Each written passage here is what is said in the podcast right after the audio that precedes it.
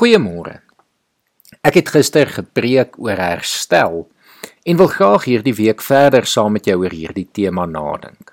Dit is iets wat my na in die hart lê en iets wat ek glo in die hart van ons geloof lê, want ons aanbid 'n God wat mense se lewens herstel. Ons lees in Genesis dat Adam en Eva saam met God in die tuin van Eden gewandel het, dat hulle direk met hom gepraat het en dinge saam met hom gedoen het. Dink vir 'n oomblik hoe wonderlik dit moes wees. Maar ongelukkig loop dinge skeef en die verhouding tussen God en mens breek. Dit is sekerlik die hartseerste dag in die menslike geskiedenis, want van daardie dag af is elke mens aangetas en elke mens word vasgevang in sy eie sonde. Sonde wat ons lewens verwoes, ons seermaak en ons eie verhouding met God belemmer. Maar dit is gelukkig nie die einde van die storie nie. Want God het altyd 'n plan, 'n plan om weer die verhouding tussen God en mens te herstel. Die plan is Jesus Christus. Jesus wat mens geword het en onder ons kom woon het om uiteindelik as mens die swaar kry versoekings, lyding en sondes te trotseer en uiteindelik in ons plek te sterf.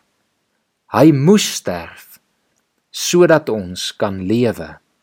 Ons sonde lei tot die dood en ons kan nie onsself daarvan red nie. Net Jesus wat nie self sonde gehad het nie, kon ons van ons sondes verlos. Sodoende kon hy ook die dood oorwin en opstaan uit die dood sodat hy aan elkeen wat in hom glo die ewige lewe kan gee. En so herstel God se verhouding met die mensdom.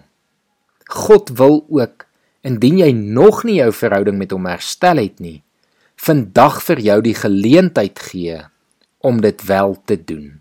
Om Jesus as jou verlosser te aanvaar en so jou verhouding met God te versoen.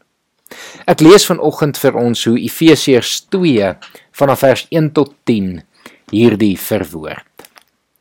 Julle was dood as gevolg van julle oortredings en sondes wat voorheen julle lewenswyse gekenmerk het. Julle het gelewe soos hierdie sondige wêreld en julle laat lei deur die vors van die onsigbare magte die gees wat daar nou aan die werk is in die mense wat aan God ongehoorsaam is. So het ons trouens vroeër ook almal gelewe. Ons is deur ons sondige begeertes oorheers en het gedoen net waartoe ons liste ons gelei het en wat in ons gedagtes opgekom het. Vanweë ons sondige natuur sou ons net soos die ander mense deur God gestraf moes word.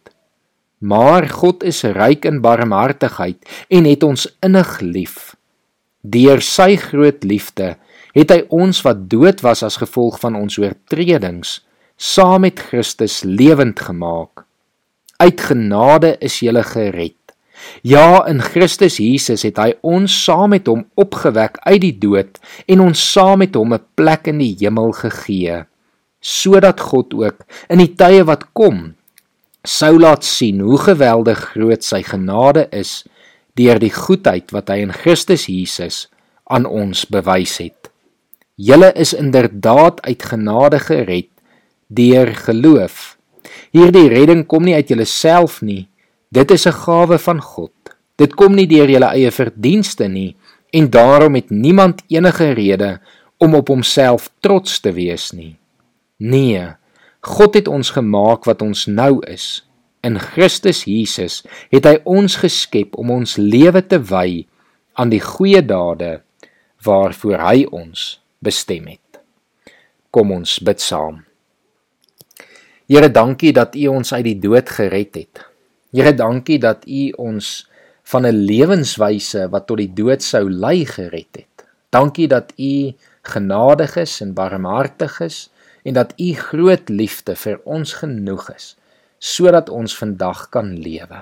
Here mag ons dit dan in volle heerlikheid teenoor u uitleef in elke woord en daad wat ons vandag gaan doen. Amen.